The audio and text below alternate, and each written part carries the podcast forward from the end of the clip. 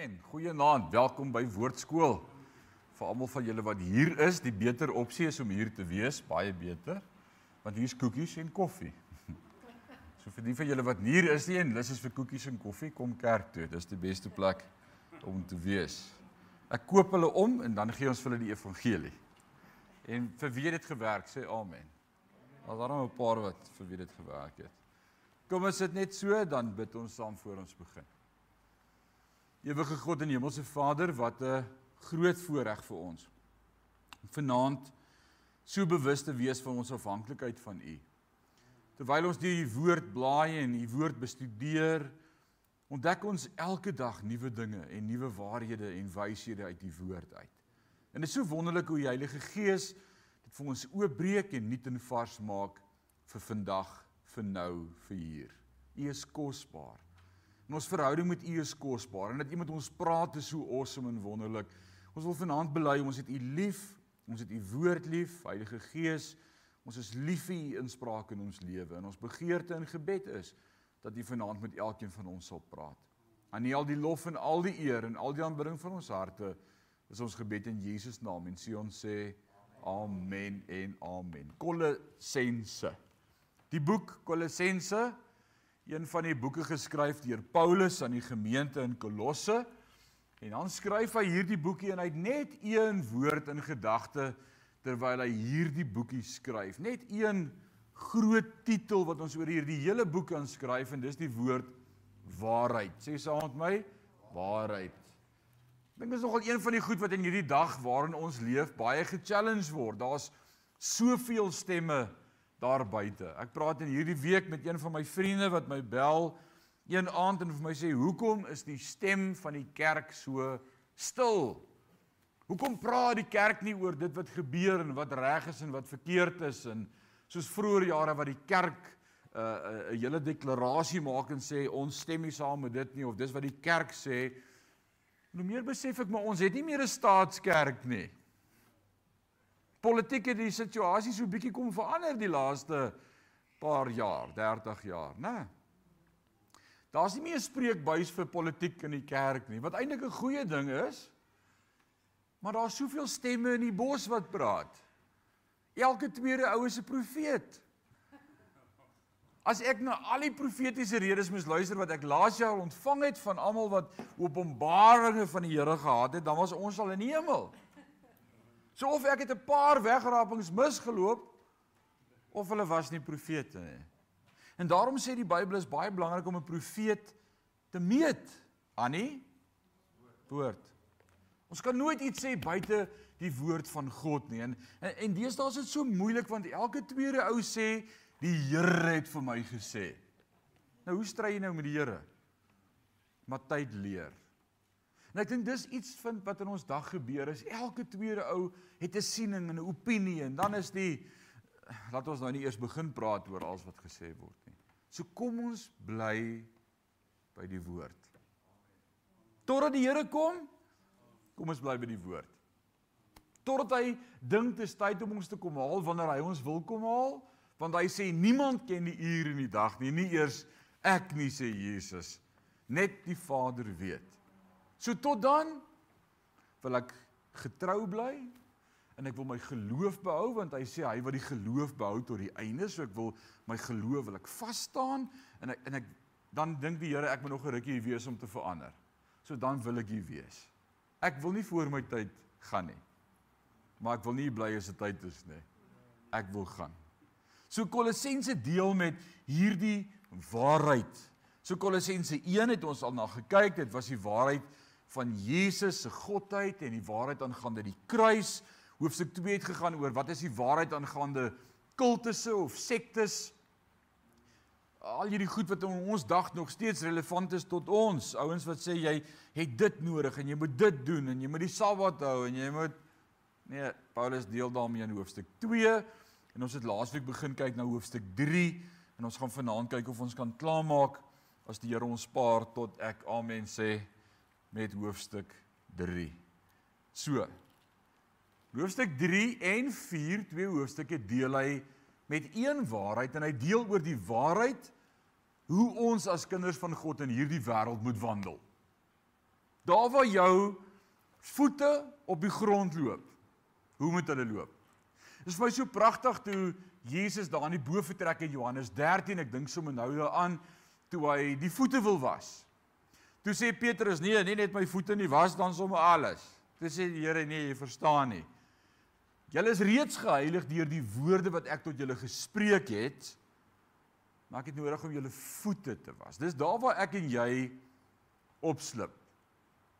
As we walk the road. Nou, ons slip baie keer en ons val oor ons woorde en ons raak nog kwaad ook en dan sit sommer die klip se skuld en en dis die issues waarmee Paulus in hoofstuk 3 en 4 kom deel. Die praksis, die praktiese goed aangaande ons wandel met God. Nou laasweek was 'n besonderse sessie geweest. Die wat hier was kan sê amen. Uh dat julle almal teruggekom het met blou tone is ongelooflik. Maar dis wat die woord doen. Is maak nie saak hoe dit my raak nie, ek wil nog hê want dit verander my. So as jy laasweek gemis het, gaan luister na Kolossense 3 vers 1 tot 8 en vanaand gaan ons aangaan en ons gaan begin recap van vers 8 af want ek wil hê ons moet mooi die verloop optel van dit wat hy probeer sê, die die punchline. So in hoofstuk 8 het hy gekom en gesê maar nou moet julle ook dit alles aflê naamlik. Hy het in die vorige verse gepraat en gesê julle is gered, julle is in Christus, julle julle het die ewige lewe. Ons is op pad hemel toe, maar ons is nog nie daar nie. Maar terwyl ons op pad is daartoe is daar 'n paar goed wat ons uit ons lewe uit van ontslaa moet raak. Wie het in hierdie week, wie kan getuig vanaand? Wie het in hierdie week weer na hierdie gedeelte gekyk en en 'n paar van hierdie goed opnuut bely en die Here het jou gehelp om oorwinning daarvan te kry? Awesome. Dis heiligmaking, by the way. Dis daai transisie van introspeksie en vra Heilige Gees help my om te verander. Ons het gesê just take it off, nee, just let it go. So hy hy sê maar nou, julle het nie meer al hierdie vreeslike sondes nie, maar hier's nog goed waarmee julle sukkel. En ons het gepraat oor toorn, anger of wrath om om kwaad te word. Julle nie een van julle sukkel natuurlik daarmee nie. Uh vir asof die woord toorn nie genoegsaam was nie, voeg hy die woord woede daarna. Uh dis net vir getroudes, woede, uh fury, anger, rage, a state of intense displeasure, uh boosheid, laster en skandelike taal uit julle mond. So hy sê maar nou moet julle dit alles af lê. En daai woord af lê is letterlik soos om 'n baadjie uit te trek. Just take it off. Just let it go. En dan asof hy ons gedagtes sou kon lees, begin hy hierdie volgende vers deur te sê nee nee nee, lieg nie vir mekaar nie. Want ek sou graag wou sê ag dis darm nie een van my sondes hier nie. Maar ek dink nie een van ons kan sê daar's nie een van ons wat sukkel met een van daardie goed nie. Dan sê hy lieg nie vir mekaar nie. Daai woordjie lieg nie vir mekaar nie is ook die woord moenie valse getuienis aflê nie. Daar is nie so ding soos 'n wit lintjie nie. Laat ons dit nou maar vir mekaar vanaand sê. Partykeer soms dink jy ek gaan net die helfte van die waarheid met iemand share. Dit sal genoeg wees. My pa het my vroeg in my lewe hierdie waarheid geleer. Hy het gesê: "Seun, 'n halwe waarheid is 'n volle leuen." Took me some years to reckon that statement. 'n Halwe waarheid is 'n volle leuen. Want is nie die volle waarheid nie. Dis presies wat Paulus hier aanspreek. Moenie valse getuienis af lê nie. Wanneer ek soms self net die helfte van inligting gee of of self die ware implikasie of of die ware inligting gee, maar met die verkeerde implikasie. So ek ek skep nie die groot prentjie nie. As ek vir my laaitjie sou vra, het jy die honde kos gegee? Maar ek gebruik nie die woord vandag in my sin nie. En hy sien die gap en dit sê, "Ja pa, ek het die honde kos gegee." Hy lieg nie maar hy het hulle nie vandag kos gegee nie. En as ek later by hom kom en hom so hier in die kort hare vat en vir hom sê, "Maar die honde se bakke is dan leeg." Het jy vir my gelieg en sê, "Nee, ek het nie, ek het gister vir hulle kos gegee." Dan sê ek maar ek het jou dan gevra, dan sê my pa het nie gevra vandag nie. Ons maak almal soms so. Daai tegniese puntjie wat ons ignore. Paulus sê ons moenie vir mekaar lieg nie. Hoekom nie? Hoekom is dit belangrik in ons as kinders van God se lewe dat ons nie vir mekaar sal lieg nie? En dan voeg hy die teks by en wat sê ek gewoonlik vir ons wanneer ons die teks wil verstaan? Lees net verder. Wat sê hy verder? Omdat julle die ou mens met sy werke afgelê het. Met ander woorde Paulus koppel direk aan die ou mens, die dooie mens, die sondige natuur, die ou lewenswyse. Daar was nie waarheid aangekoppel nie. Maar nou leef jy in 'n nuwe lewe met Christus, met die waarheid en ons lewe nie soos toe ons die ou lewe gelewe het nie. We speak the truth in love. En julle nou sê hy omdat ons die ou mens met sy werke afgelê het en julle heel met die nuwe mens beklee het wat vernuwe word tot kennis na die beeld van sy Skepper. Is dit nie beautiful nie? Dis dis awesome. Grant. As jy hier opstap en so omstap in hierdie tweede kamertjie, is daar sulke spierwit dooprokke wat daar hang. Gaan half my een asseblief.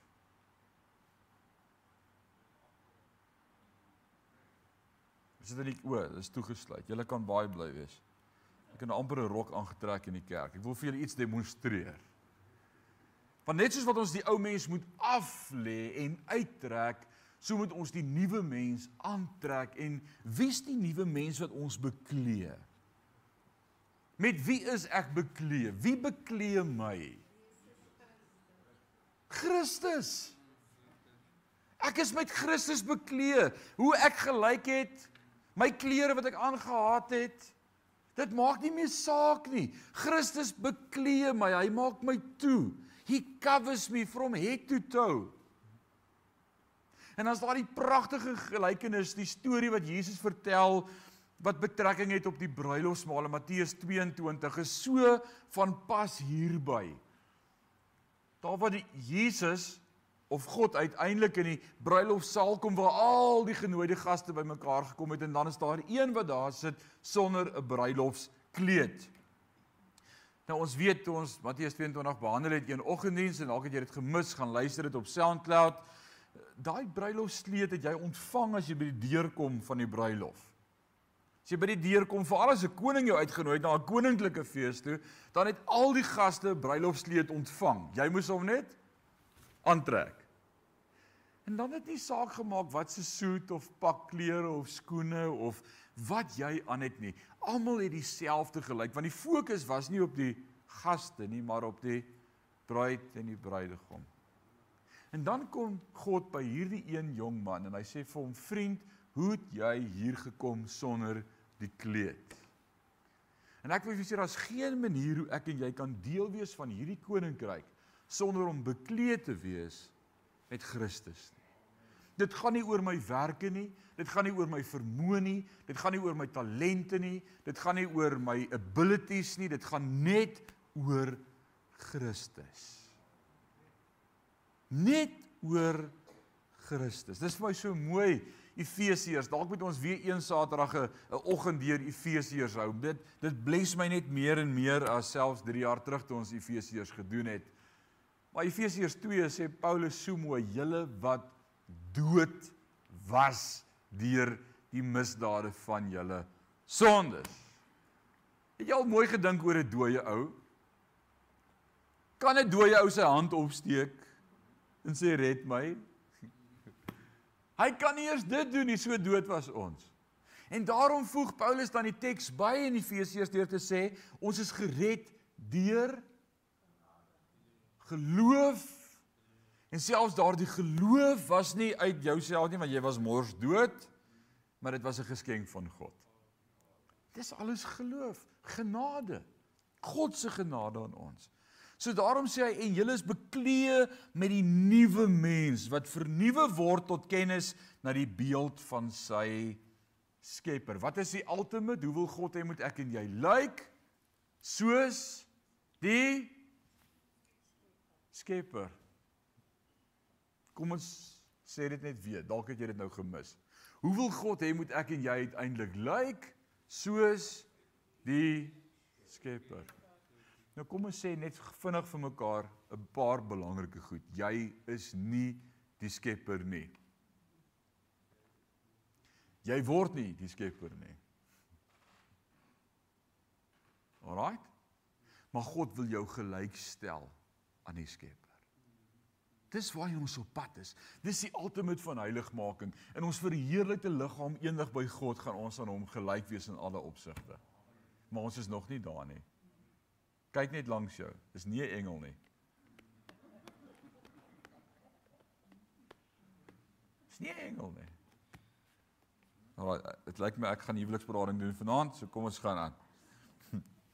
En dan praat hy nou oor in hierdie verhouding met ons Hy sê ons is bekleë en, en hier's 'n paar goed wat hy nou aanspreek. Want wanneer ek en jy die bruilofskleed aan het en ek is nie meer sigbaar nie en dit gaan nie oor my of my hemp of my broek of my skoene of hoe ek lyk nie, dit gaan oor Christus, dit gaan alles oor hom, dan begin hy en hy praat oor 'n paar verskille diferensiasies wat daar mag wees in die liggaam van Christus wat hy sê as ons almal in Christus bekleed is nie behoort te wees nie. En hier spreek hy 'n paar einas aan. Hy sê waar daar nou nie meer Griek en Jood is nie. Met ander woorde in Christus is daar nie meer 'n ding soos 'n Griek en 'n Jood en 'n heiden en 'n Israeliet en 'n Amerikaner en 'n Afrikaner en 'n Afrikaner nie. As jy in Christus is ons gelyk. Nou ek sê dit nie. Paulus het dit van God ontvang. Daar's nie meer 'n verskil wanneer ek in Christus is nie. Besnede en onbesnede Met ander woorde deel van die verbond, die wat die wet het, die wat in die tempel gebid het, of die wat onbesnede is wat heidene was, wat daar buite was, wat nie by die tempel kom bid het nie, wat nie die Torah ontvang het nie, wat nie in die Joodse kultuur groot geword het nie. By the way, dit was ek en jy, weet nie van jou nie. Party van ons tree op soos Jode. Ons is nie Jode nie. Was 'n heiden gered deur genade. En oppas nou. Wat het die Jood nodig om by God uit te kom? Christus. En wat het ek nodig om by God uit te kom? Christus.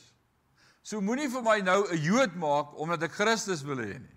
En sê goed, maar nou moet jy die Torah leer en jy moet die Sabbat hou en jy moet nou hierdie feeste hou en jy moet nou die Regtig. Ons het altyd Christus nodig want ons Christus wat red. Hy het my nie kom deel maak vir die Joodse geloof nie. Ek het nie 'n Jood geword toe ek my hart vir die Here gee nie. Inteendeel, hy het juis gekom om my vry te maak van die wet. En hy het nie die wet vir die Jode gegee sodat hulle daardeur in die hemel kon kom nie, maar hy het vir hulle Christus gegee sodat hulle kon sê ons kon dit nie maak nie, maar dank Vader vir Christus. Dis nie die wet wat my red nie. So nou sê hy daar's nie meer verskille nie. Daar's nie meer 'n ding soos Griek en 'n Jood nie. Met ander woorde wat ek eintlik hier kan sê vir 'n Jood wat vir my sê maar jou in die fees nie is vir hom sê maar volgens God is ek 'n Jood. Dit staan hier. Barbaar someone who speaks an unintelligent language. Dis dis die definisie vir die woord barbaar. Iemand wat 'n onintelligente taal spreek. Hy sê daar's nie meer 'n verskil tussen besnedene en onbesnedene, 'n barbaar of 'n skief. Wat is 'n skief? Wie weet?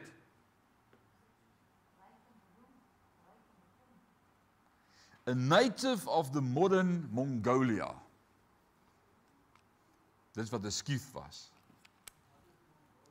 Mongolia, die moderne Mongolia, Mongolia is daai weet julle wat's Mongolia nie? Die Ethiopië land. Die baie van die Ierse volksmusiek, Irish songs praat van Mongolia, a place I want to go. Dis amper soos die hemel, maar dis op aarde. Dis hierdie pie in the sky. Nee, nie Sun City nie. A native of the modern Mongolia. 'n Slaaf, iemand wat vir 'n baas werk. Kan ek gou gou sien wie van julle het almal baase? As jy getroud is, steek op jou hand. Ek's right. Slaaf. Of 'n vryman. Maar Christus is alles en in almal. Daar's nie onderskeid meer nie tussen die baas en die slaaf en die ryk man en die arme man en die blanke en anderskleurige en rasse en Jode en heidene. Volgens Paulus sê hy wanneer ons hierdie kleed aangetrek het en bekleed is met Christus, we all the same. 'n Klomp goed wat sommer net daar afgesny word en gesê we don't even talk about it, dis klaar. Ons is dieselfde. Ons kan lank oor vers 11 praat. Ek wil net vanaand hierdie vraag op hierdie stadium vra. Want hier staan aan die einde van vers 11, maar Christus is alles en in almal. En ek wil vanaand vra, is Christus alles in jou? Dis 'n vraag. Want dis wat Paulus probeer sê. Ons moet toelaat dat Christus alles in ons word. Daarom is daar nie meer plek vir woede nie en daar's nie plek vir humeur nie en daar's nie plek vir vuil taalgebruik nie en daar's nie plek vir verkeerde gewoontes nie want God moet alles in jou word. What occupies your heart? Wat is daar wat jou beset? Wat is daar wat jou vashou? Want sy konklusie hier is maar Christus is alles en in almal. Anina het 'n app met my geshare 'n week terug. 'n Beautiful. Die app se naam is Pause. Ek kry geen tantieme vir hierdie bemarking nie. Ek wil net sê in 'n week se tyd wat dit vir my gehelp het om attent te fokus op die koninkryk. Al wat die app doen is dit pos jou 2 of 3 keer of 4 keer 'n dag. Jy stel die alarmpie Prof Marius het sonoggend gesê hy het 'n gewoonte om 11:00 in die oggend en 3:00 in die middag tyd te maak om attent te dink en opnuut te fokus en met God te praat. Al is dit net 'n minuut. En hierdie app se naam is Pause en hy's op jou selfoon. En ek het hom gelaai. En vir die eerste week is die sinnetjie wat opkom of die gebed vir 1 minuut dieselfde elke keer. Ek dink ja, dis maklik. Ek ken hom uit my kop uit. Maar elke keer as hy opkom, fokus ek opnuut op God. Attent, ek maak 'n besluit. En al wat die app doen is om jou te help om te sê, "Pos net 'n oomblik. Maak toe jou oë, vergeet van jou rekenaar, klap hom toe, sit die foon neer. Ek is God bewus." En ek dink dis deel van hierdie proses. Ek en jy moet meer God bewus wees. Altyd, elke oomblik. Skryf nie by die kerk los as jy uitloop nie. En dis wat Paulus probeer sê, los al hierdie ander goed. Christus is alles en in almal. Beklee julle dan. Hy gebruik weer die woordjie, trek aan, beklee. Beklee julle dan as uitverkorenes van God, heiliges en geliefdes met innerlike ontferming, goedertierenheid, nederigheid, sagmoedigheid, lankmoedigheid, verdra mekaar Vergewe mekaar as die een teen die ander klag het. Soos Christus julle vergeef het, so moet julle ook doen. Sewe dinge wat hy opnoem as 'n teevoeter vir hierdie ander dinge wat my lewe okkupeer in beset. Om my beset te maak, het ons laasweek vir mekaar gesê. En kom ons praat gou 'n oomblik oor elkeen van hierdie goed. Hy sê ons is dan uitverkorenes, so trek jou aan en wat is die goed wat ons aantrek? Want want weet jy wat ek geleer het in die lewe en jy gaan met my kan saamstem. Jesus vertel vir ons die gelykenis van die man wie se huis beset was met bose geeste. Kan jy dit onthou?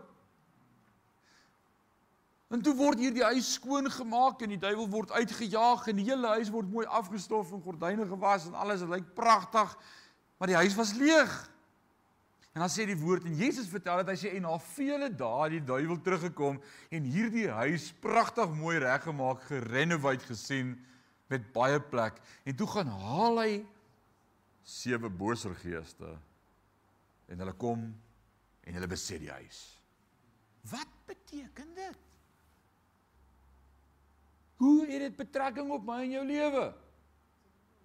Baie interessant. As ek iets aflê. Ons het nou 'n klomp goed hier genoem wat Paulus aanspreek en sê lê dit af, lê af die woede. Lê af die meer, lê af die toornigheid, lê af die vuil taalgebruik, lê af dit en lê af daai. En ons het besluit dit is so maklik soos en hy het gesê trek die baadjie uit. En van julle het net nou julle hande opgesteek en gesê ons ry baadjie uitgetrek die week. Ek vra vanaand die vraag. Wat het jy in die plek af van aangetrek? Want as jy nie iets in die plek daarvan aantrek nie, is daar 'n leestuk in jou huis. En ek wil jou garandeer, oppas. Daar's 'n geneigtheid dat die duiwel as hy terugkom, erger terugkom as wat hy was. En hier's van ons wat sê, "O oh yes, ons weet waarvan jy praat." Ek weet waarvan ek praat, glo my. You have to occupy that space with something new, something different. Party mense is die Here het hulle verlos van nikotien. Wie is hier wat kan getuig daarvan? Ek het daarvan getuig. Kyk dit na my size. Want toe ek op 'n rook toe begin ek eet. Dis deel van die proses. En dis 'n slegte gewoonte. So nou vervang jy een slegte ding met die volgende slegte ding. Daarom moet ons iets goeds aantrek en hier kom hy met 'n paar goed en hy sê bekleë julle dan as uitverkorenes van God, heiliges en geliefdes met. En dan noem hy 'n paar goed en hierdie is dalk goed wat ek en jy meer en meer attent op moet wees en dalk elke dag oordink. Wat is die goed waarmee ek my kan bekleë in hierdie dag?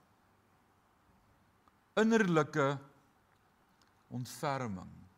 Wat beteken innerlike ontferming? Kom aan, hoe compassion. That, that's beautiful. That's a nice english word. Liefde. Dit kan net uit liefde kom. Wie het nog iets gesê? Omgee. That's compassion. It's beautiful. Daai daai woord ontferming of compassion is dieselfde woord van Matteus 14:14 14 in die Griekse taal wat sê splagt niets est ai Nou het ek julle impres. O Christos in mesamu me agape parapoli. Dis Grieks. Dis al wat ek weet. Splag niets estai is die woordjie wat beskryf word vir empatie wat sê en toe Jesus die skare sien het hy hulle innig jammer gekry, hè? Innig jammer, innerlike ontferming.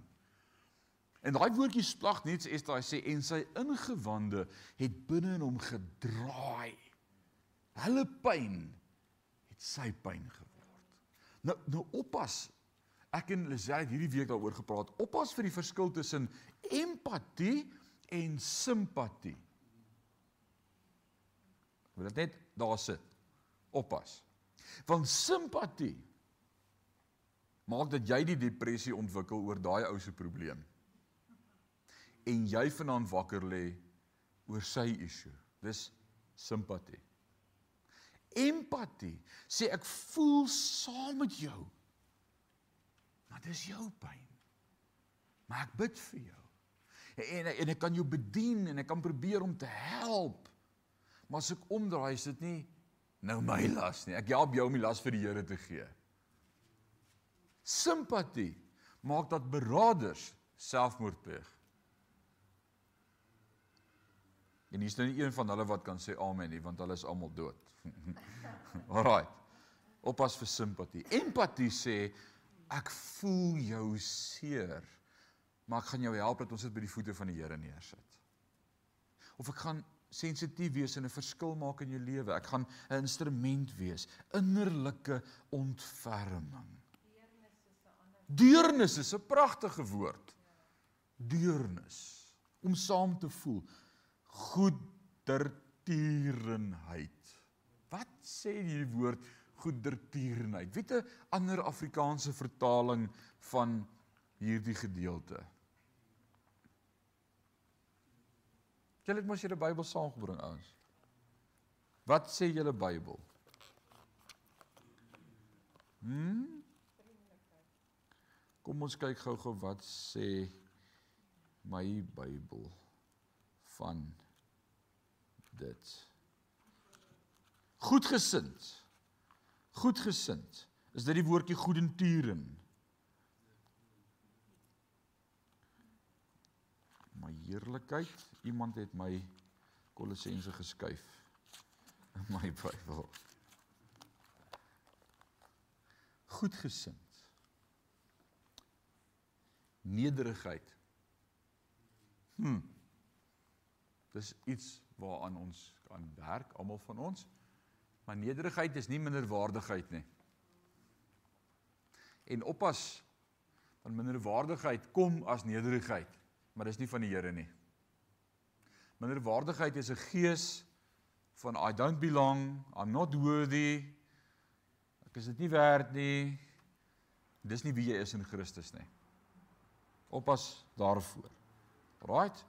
Maar wees nederig. Sagmoedig. Wat 'n ander mooi woord vir sagmoedig?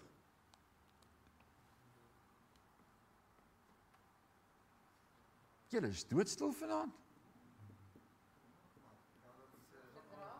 What does your Bible says? A gentleness, a gentle spirit. Nie 'n bombastiese sagte gees. 'n Sagte gees, God se gees. Dis mos nou Christus en alles is alles en almal. Dis Christus se gees. Sag, sagte gees. En wat is die laaste een? Lank moedigheid.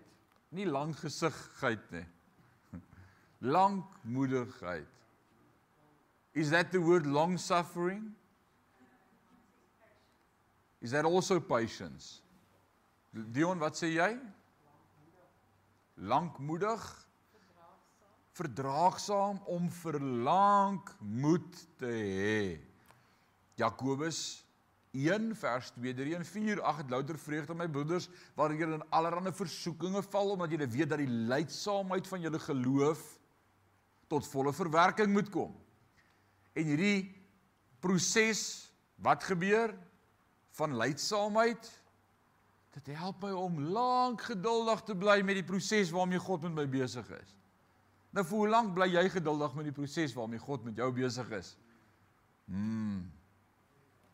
Snappy Here, maak dit gou. Ek het nou lank genoeg. Nee, nee, lankmoedig om vir lank moed te hou en en aan te hou en te bly glo. Verdra mekaar. Dalk moet ons net vanaand praat oor verdra mekaar. En dan wil hy wragties nog aangaan en dit moeiliker maak en vergewe mekaar. Dis nie eers net verdra nie.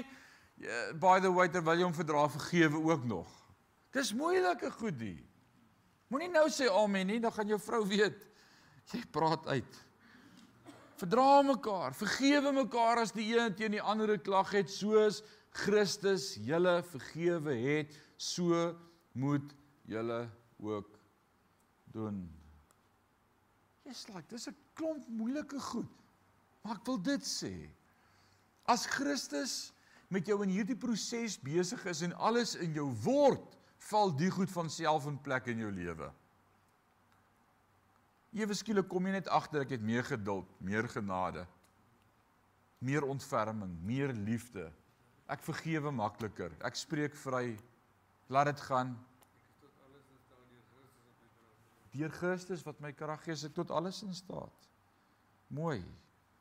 En beklee julle bo dit alles met die Liefde, liefde is die belangrikste. Wat sê hy 1 Korintiërs 13 aan die einde geloof, hoop, liefde, maar die belangrikste hiervan is die liefde. Hy doen dit hier ook. Hy het dit ook gedoen in Romeine, hy het dit gedoen in Hebreërs in die laaste 3 hoofstukke geloof, hoop, liefde. Hy sê en beklee julle dit alles met die liefde wat die band van die volmaaktheid is. Liefde. Liefde Liefde.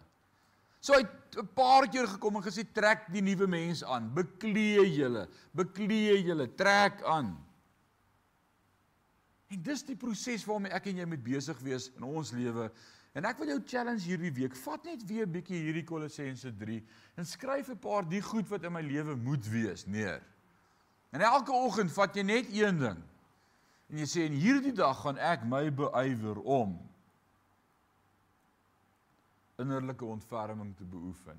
Here, maak my sensitief. Help my maak my oë oop. Maar vandag wil ek my ontferm oor iemand. En vra Here, wys my oor wie? En weet jy, dan begin ons dit beoefen. Dan trek ek dit mos nou aan. Dis 'n keuse. Die Here gaan jou nie vat en jou skud en ewe skielik is hierdie goed in jou lewe nie. Jy moet dit toelaat. Wie het jou klere vir jou aangetrek vanaand voor die kerk toe gekom het? Ek hoop jouself. Niemand het jou gevat en geskit en aangetrek, nê? Nee? ons het dit met daai baba gedoen wat hier is.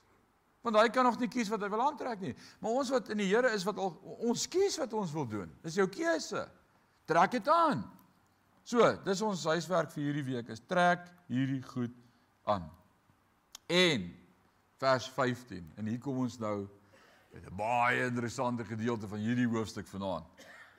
En laat die vrede van God waartoe julle ook in een liggaam geroep is in julle harte heers en wees dankbaar.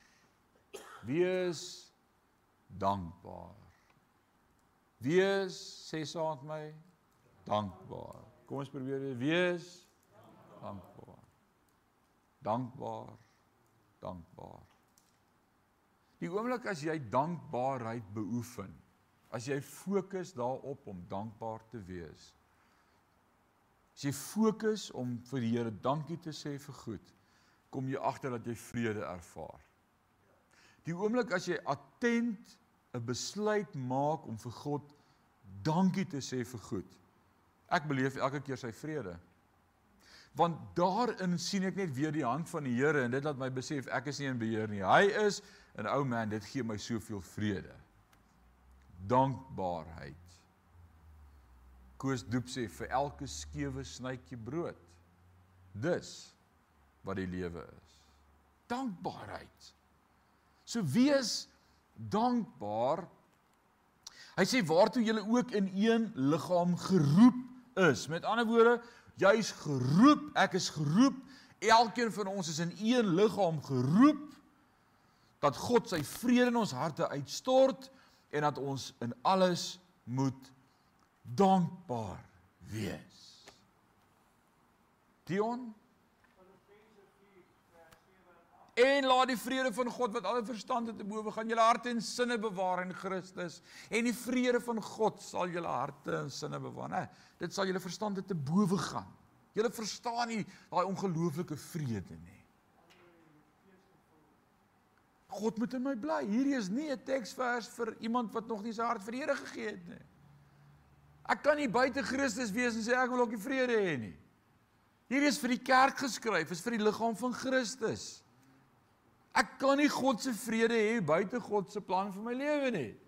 Ek kan nie. Dis gevaarlik.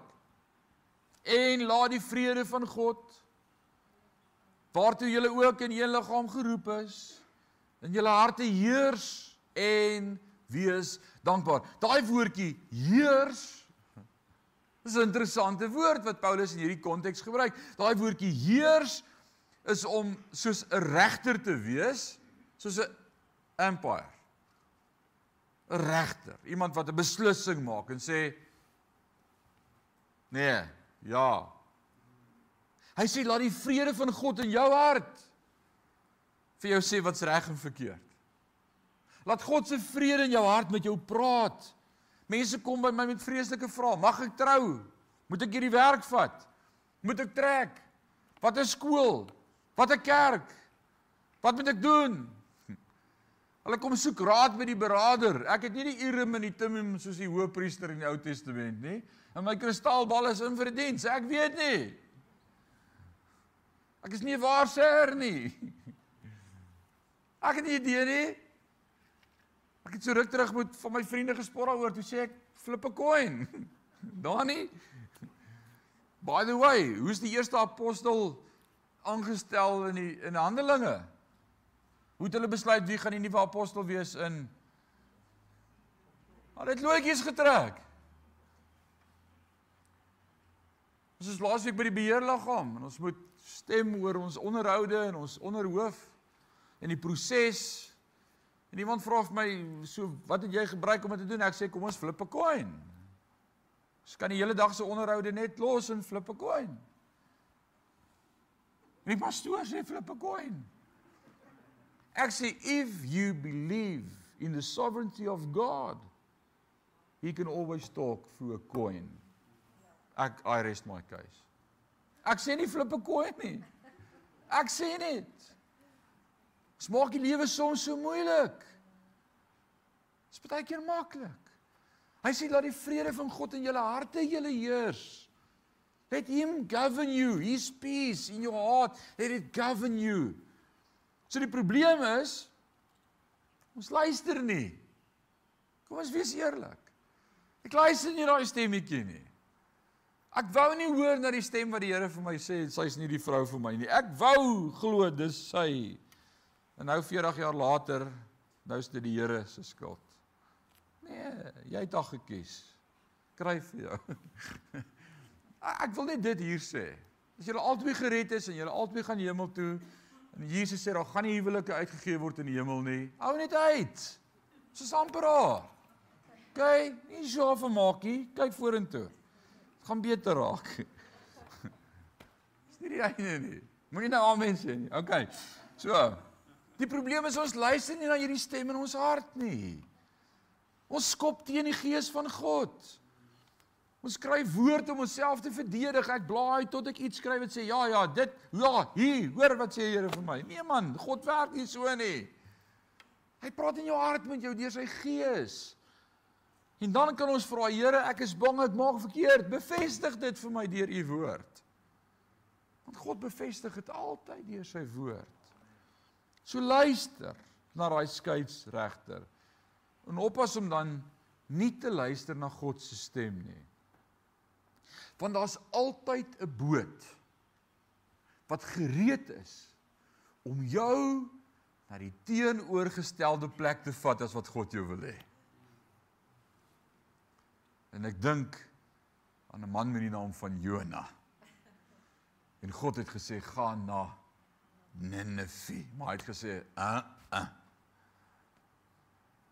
En toe hy in die hawe kom, die duiwel het altyd 'n boot vir jou gereed in die teenoorgestelde rigting, altyd. En jy weet waarvan ek praat. Met elke besluit wat jy moes maak, is daar altyd 'n boot in die teenoorgestelde rigting. Die duiwel het nie 'n laai haar op sy kop nie. Gee dit vir hom. Weet jy wat? Hy maak die verkeerde besluit. Hy kies om nie na God te luister nie en hy het vrede. Hy lê in die bodem van die skip en slaap rustig. Jy kan op die verkeerde boot wees en die verkeerde besluit maak en vrede hê. Oppas, dis nie God se vrede nie. That's ignorance. En dan kom hierdie storm. En hierdie ouens skep water en hulle raak ontstel en sê maar iets is nou groot fout. Tot die klomp heidene op die boot het geweet God het iets met iemand af te reken hier. Wie's die ou wat nie hier moet wees nie? En dan sê Jona, ouens, dis ek. Ek wat die vrede het. Dis ek. Ek is op die verkeerde plek. Luister na God se stem. Oppas vir jou eie emosies. Deel van die proses om God se wil te ken en toe te laat dat God vrede in jou hart heers. Dit dis deel van die proses, maar oppas want Jeremia 17 leer my dat 'n mens se hart bedrieglik is bo alle dinge. Oppas vir jou eie hart.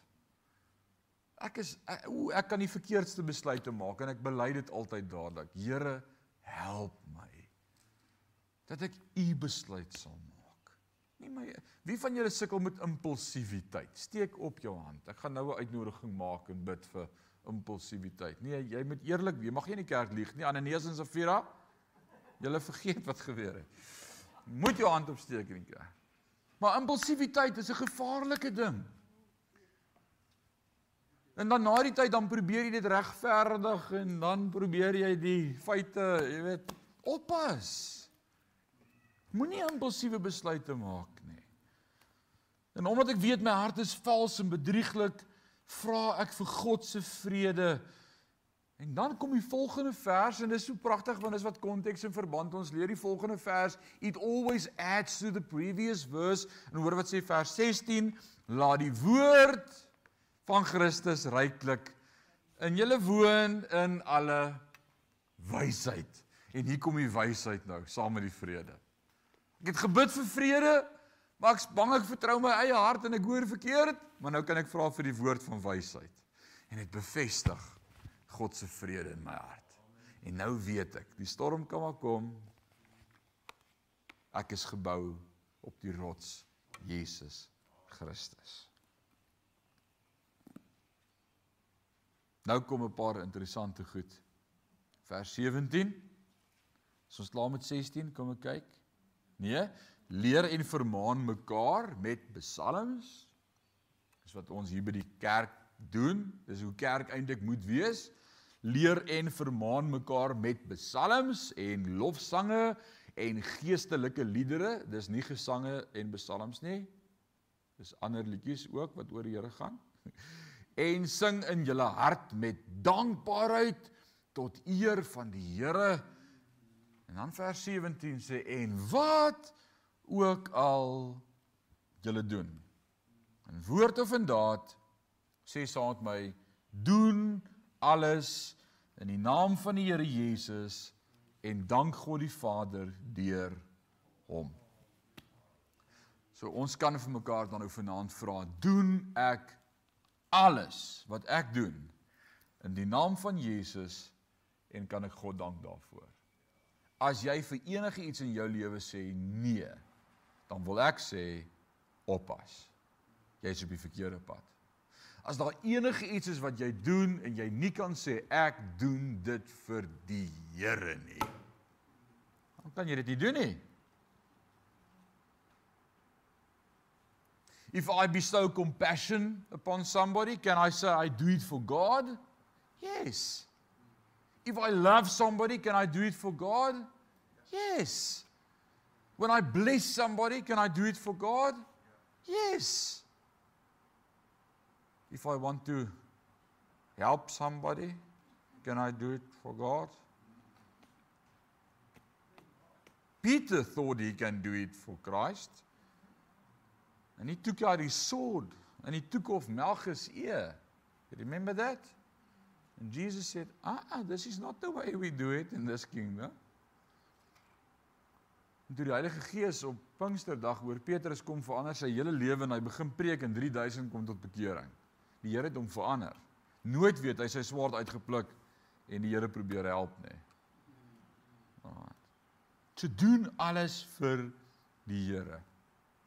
Nou kan ek 'n streepie daar trek want hier kom nou 'n pragtige praktiese toepassing vir almal van ons wat hier is vanaand. Hy praat eerste met die vrouens. En die rede is omdat hy hulle laaste gemaak het. Sal geen ander rede nie. Hy pik nie op hulle nie. Hy het hulle laaste gemaak. Hy praat eerste met hulle. Julle is die beste en die grootste. Ons sal wag tot hy by ons kom. So kom ons begin maar dan by die vroue. Vroue, wees julle mans onderdanig soos dit betaamlik is in die Here.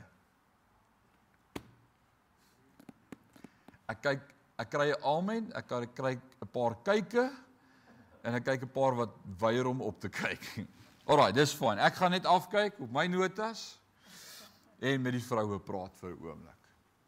Hoekom praat Paulus meer as een keer in die woord van die Here met die vroue ook in Efesiërs hoofstuk 5 Petrus in 1 Petrus 3 praat duidelik met die rol van die vrou en hoe sy haar in hierdie verhouding ook moet handhaaf. Vroue wees nou wie het almal die 33 53 Bybelvertaling hier? Daar sê. Is julle Bybel oop om Kobus? Wat staan daar? Ek wil eintlik nou 'n vrou hê. Is jou Bybel oop dan net so? So wat watter Bybel het jy? Ja. 'n Gebruikte Bybel. OK. Dis great. Sy naam is al af. Dis sê vir my hy werk. Wat sê vers 18? Vroue wees al die mans. Julle. Julle. Jou eie man. En die rede hoekom Paulus sê jou eie man en kom ek sê dit nou vanaand my vrou is nie hierdie maar sy kyk YouTube en sy gaan my by die huis kry as ek daar is. Die rede hoekom Paulus sê jou eie man vir vrouens is want dit is baie makliker vir 'n vrou om aan 'n ander man onderdanig te wees. as aan haar eie man.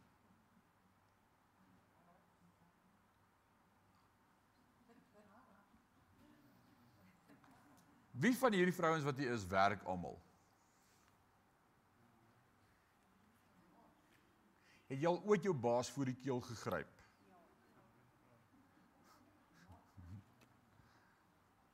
Nee, jy het geduld met hom. Behalwe as hy jou man is. Eina, Kowie. Alraai. Ons kom nou by werknemers. Wag vir hom Marlene. Hy kom spesiaal vir jou. Hy sê wees aan julle julle mans onderdanig. Submit aan jou man. Nie aan ander mans nie, aan jou man. Nou hoe op aarde vra jy vanaand in hierdie lewe moet ek onderdanig wees aan my man? Interessant dat hy sê aan jou man, aan julle mans, want dit is moeilik vir 'n vrou om aan haar eie man onderdanig te wees. Want 'n vrou sal maklik vir haar eie man sê jy's nie my baas nie. Ek vat sommer net goed wat ek lees op die internet. Ek vat nou raai nou hier wat sê vrouens vir hulle mans. So moenie ouens, dis nou die tyd van nou af tot aan die einde van die hoofstuk wat niemand moet sê amen nie. Dit gaan jou in die moeilikheid kry. Alraait. Moenie sê amen nie. Dit laat my altyd dink aan hierdie verhaal van van die pastoor wat gepreek het en toe sê hy vanmôre gaan ek 'n paar dinge aanspreek en toe sit Marai en gaan tipie voor en toe sê hy jy wat jou vrou by die huis slaan en dink niemand weet nie en toe stamp sy kliphard aan hom en sy sê sien jy ek het vir jou gesê die Here gaan hierdie ding uitwys Dis wat 'n amen op die verkeerde plek doen. Moenie, alraai, los dit net. Die Here sal met hom werk. Moenie jy die Here help nie. So hoekom sê hy julle eie mans? Ek hoor mos nou die dag 'n vrou wat vir my sê Ek sal aan my man onderdanig wees as hy optree soos die Here. Hm. Dis 'n baie interessante stelling. Maar ongelukkig verskil ek en Paulus en Petrus en Jesus van jou. Want hier is die kriteria nie as jou man volmaak is en as jou man heilig is en as jou man soos die Here is, dan kan jy aan hom onderdanig wees, nê. Mm -mm. Hierdie opdrag aan vrouens is wees aan jou man onderdanig. As jy dink jou man het nodig om hierdie preek te hoor, gaan kry hom op SoundCloud oor 1 Petrus 3 waaroor ek met die manne dan praat oor wat Petrus sê wat hulle verantwoordelikheid is in die huwelik. Kyk, hy gaan repent en hy gaan betaal vir sy optrede, maar God gaan jou beskerm as jy onderdanig is en ek dink dis die geheim wat vrouens mis. Ek aan my man, ek weier. Hy is nie die Here nie. Hy hanteer my ook nie soos die Here my hanteer nie. Fine. Maar jy het 'n keuse as jy submit sal God jou beskerm. I just want to put it out there. As jy onder God se covering wil wees, vrouens, submit aan die duiwel. aan jou man. Weerstaan die duiwel en hy sal van jou vlug. Maar submit aan jou man. En God sal jou beskerm. Want jy doen wat sy woord jou leer. Dan gaan die onus oor op die man en God sal met hom deel. Right? Ek gaan nie vanaand 1 Petrus 3 oor preek nie, maar I've dealt with that. As jy dit gemis het, gaan kry dit. So wees aan jou man onderdanig. Nou is die vraag wat vir my gevra word. Waar was Adam? Waar was Adam toe Eva met die slang 'n gesprek of twee gehad het by die boom van kennis en goed en sleg? Waar was hy? My maat eendag gesê hy het seker cricket gekyk. Waar was Adam? Dis 'n baie goeie vraag en ek het nie die antwoord nie, maar ek het vir jou 'n ander vraag. Hoekom was Eva nie by Adam nie? Eva, hoekom het jy nie gekies om by Adam te bly nie? Wat het jy alleen by die boom gaan soek van kennis, dit wat God gesê het? Nee, wat het jy by die boom gaan soek? Hoekom het Eva wegbeweeg van Adam af? Hoekom is die woord elke keer as hy sê wees onderdanig aan jou man, Eva bly by Adam? Dis amper die probleem van die begin af.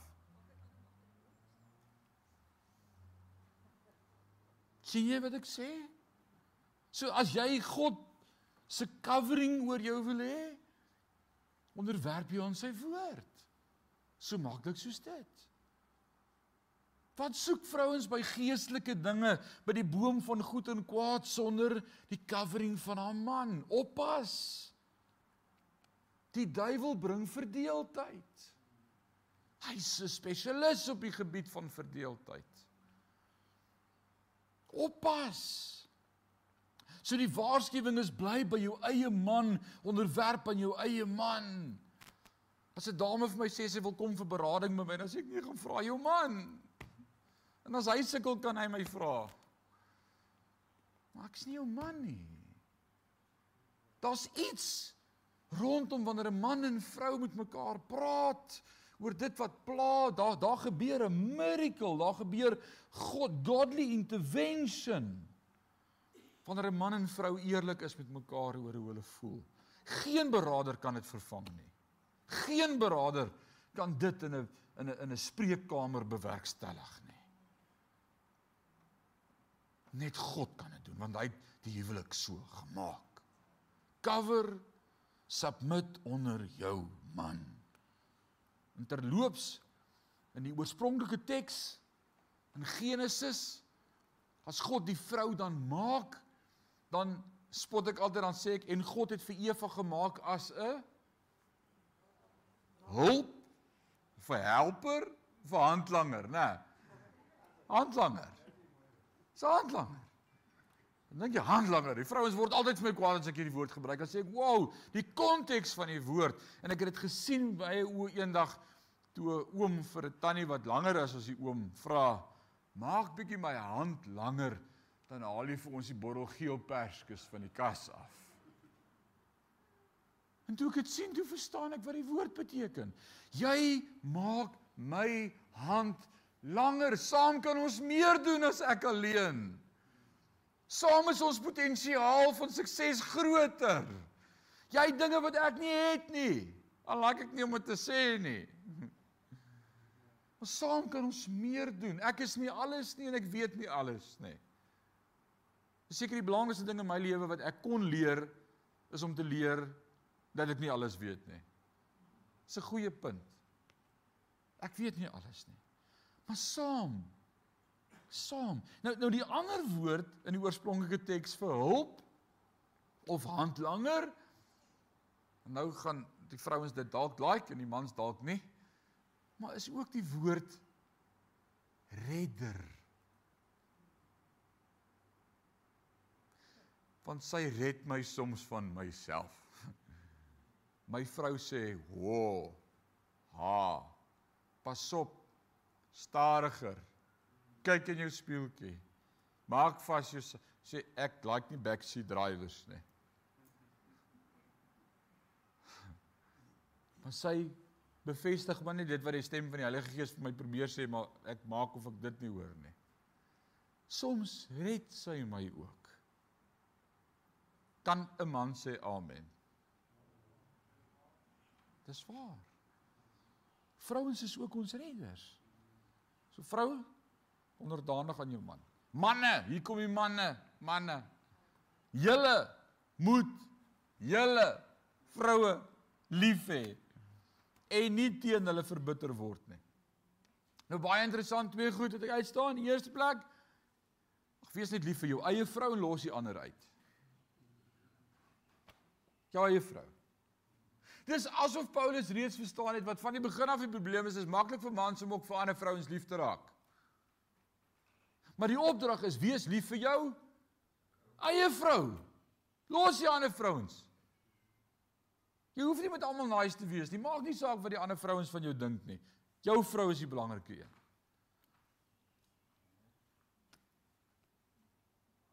Dit is nie so nie. Dat ek nou okay, ek gaan nie verder daaroor praat nie. Dan voel ek anders praat ek dalk van myself.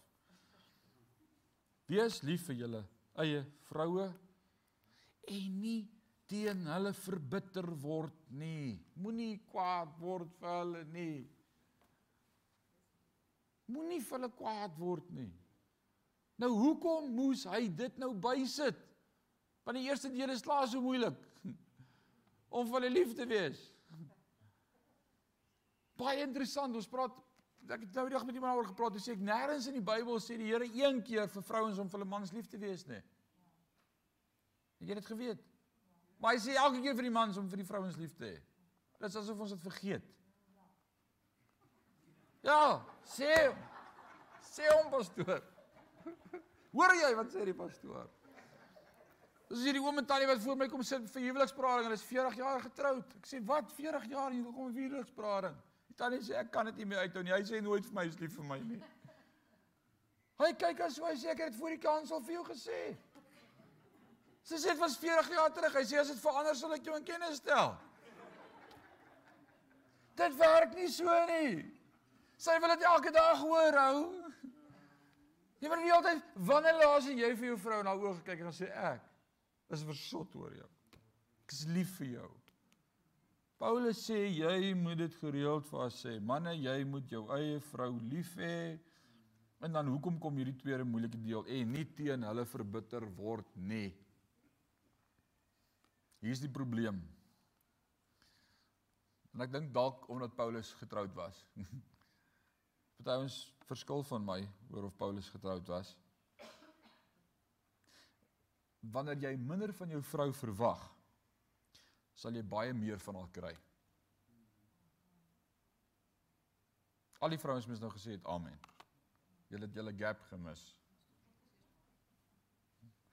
As jy minder van jou vrou verwag, sal jy baie meer van haar kry. En daarom skryf Paulus en nie teen hulle verbitter word nie. Moenie sulke hoë eise van hulle stel nie. Moenie dink hulle is volmaak en hulle lyk soos die ander en hulle kook soos die ander en hulle doen alles wat die ander doen nie, want ons is so vinnig om te dink jy het verkeerd gekies. En wanneer jy geen verwagting het behalwe om net lief te hê nie, surprise hulle jou elke dag. En wie weet dis die waarheid. MC sê net amen. Daar's hy, amen. Soos die een oom wat eendag daar agter in die kerk toe pastoor vra, "Wie weet of wie van julle is volmaak?" Toe staan daar so een klein ou oomie op agter in die kerk en hy dog, "Ag, hemel, dis nou nie die punt wat ek wou maak nie."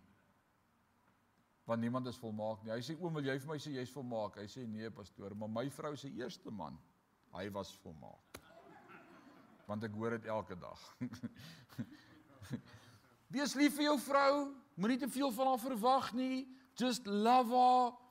Wees net lief vir haar en sy sal baie vir jou doen. Maar kan nie jou diepste geestelike behoefte aanspreek nie. Slegs God kan.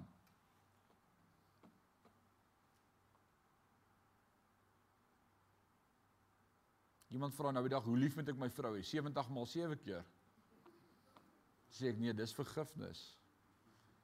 Liefde het nie 'n limitation nie. Daar's nie 'n statue of limitation op liefde nie. That's for life. It's a choice. Kinders, al die kinders hier, hier kom julle teks. Great, tot vir julle word daar iets gesê vanaand. Kinders, julle moet julle ouers in alles gehoorsaam wees, want dit is die Here welbehaaglik. Ooh, sulke moeilike goed vanaand sê. My ouers gehoorsaam wees. My pa en my ma ken jy nie. Hulle het ekstra moeilike goed wat hulle van ons verwag. Weet jy die wonderlikste taal wat 'n kind kan leer is die taal van 'n ouer.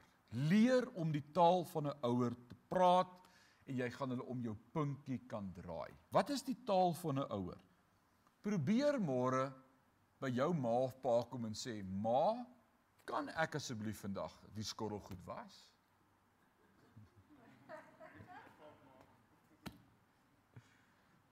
Kan ek vandag die beddens opmaak en die huis stofsuig? Probeer, is baie moeilik. Probeer dit. Is net 'n grap.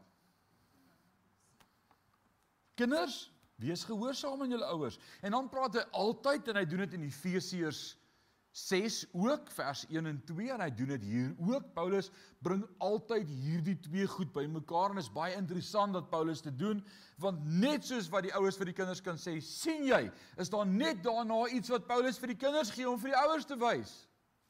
Want hoor wat sê in vers 21: Vaders, julle moenie julle kinders terg nie sodat hulle nie moedeloos word nie. Hy doen dit in Efesiërs 6 vers 1 en 2 presies dieselfde. Hoe hoe werk dit? Ek wil sê oppas dat jy onmoontlike hoë eise van jou kinders bly stel en hulle moet breek omdat hulle nooit goed genoeg gaan wees en alles kan doen wat jy van hulle verwag nie. Want is onmoontlike goed wat jy van hulle verwag. Dis nie net gee die honde kos en tel jou klere op goed nie. Dis goed soos maak nie saak hoe hard jy probeer nie, dit was net nie goed genoeg nie. En dis van ons wat hier sit wat die letsels van so 'n verhouding ken en verstaan. Dit los letsels vir die res van jou lewe. Ek is net nie goed genoeg nie. Ek kon dit net nie maak nie. Ek kon my pa of my ma net nie impress nie. Jong kinders wat wil selfmoord pleeg oor akademiese uitslae omdat dit my ouer net nie tevrede was daarmee nie. Ouens, die woord praat met my en met jou as ouers en hy sê vir ons, moenie moenie die don't set the bar too high. Love them. Love them. So moenie julle kinders terg nie sodat hulle nie moedeloos word nie. En kom ons kyk of ons baie vinnig kan klaarmaak met hierdie hoofstuk. Diensnegte. Diensnegte. Werknemers. Almal wat vir baase werk of iemand het wat vir jou werk gee. Werknemers diensnegte. Dit was die idee gewees. Hy praat met vrouens, hy praat met mans, hy praat oor die kinders in die verhouding. Hier's iemand wat sê, "Ha, ek is nie meer getroud nie en ek het nie meer kinders nie en ek is nie 'n kind nie." O, maar jy't 'n baas, jy werk vir iemand. Hier's hy, Marlene. Sorry. Ons gaan haar naam uitedit. Diensnegte, julle moet julle Here na die vlees in alles gehoorsaam wees. Nie met o diens soos mense behaars nie, maar in eenvoudigheid van hart om dat julle God vrees. Selfde teks doen alles wat julle doen asof vir die Here. Sal dit nie awesome wees as daar vakante poste in ons dorp is? en besighede my begin bel en sê luister is daar nie van jou gemeentelede wat werk soek nie. Want niemand werk in Parys so Sion lidmate nie. Hulle is in 'n ander klas. Is dit nie wat God eintlik van ons verwag nie? Is dit nie eintlik hoe ek in die koninkryk moet werk nie? Dat ek dat God die eer kry daardeur. Want wat ek doen, doen ek asof vir die Here. En dit word dan alles aangespreek in die volgende stelling vers 3 en 24 en wat julle ook al doen. So of jy nou 'n vrou is of 'n man is of 'n kind is of 'n werknemer is of 'n werkgewer is, wat ook al julle doen, doen dit van harte soos vir die Here en nie vir mense nie omdat julle weet dat julle van die Here die erfenis as vergelding sal ontvang want julle dien die Here Christus. Maar wie onreg doen, sal die onreg wat hy gedoen het terugontvang. Wat jy saai, sal jy maai. En daar is geen aanneming van die persoon nie. Maak nie saak wie jy is nie. That's life. En ek gaan nou sê amen. Hierdie was 'n mondvol, né? Iets vir almal om aan te gaan kou die week. En as die Here ons spaar volgende week kyk ons na hoofstuk 4. So kom ons sit net so en ons sê vir die Here dankie vir sy woord. Ewige God en Hemelse Vader, baie baie dankie vir u woord. Dankie dat u vanaand met elkeen van ons gepraat het. Vir elkeen van ons vanaand is daar 'n opdrag om deel te maak van ons mondering van hoe ons lyk in hierdie wêreld. Help ons om net te praat nie, maar om daders te wees. Om net vanaand te hoor wat u woord sê nie, maar hier uit te stap en dit te gaan toepas, om dit te gaan beoefen. Help ons om om daardie goeie dinge wat ons moet aantrek, geduld en ont, inner, innerlike ontferming en liefde, om daaraan te werk in hierdie week om 'n deel te maak van wie ons is. Help vrouens, help mans, help kinders, help ons almal. Ons gebed in Jesus naam. Amen.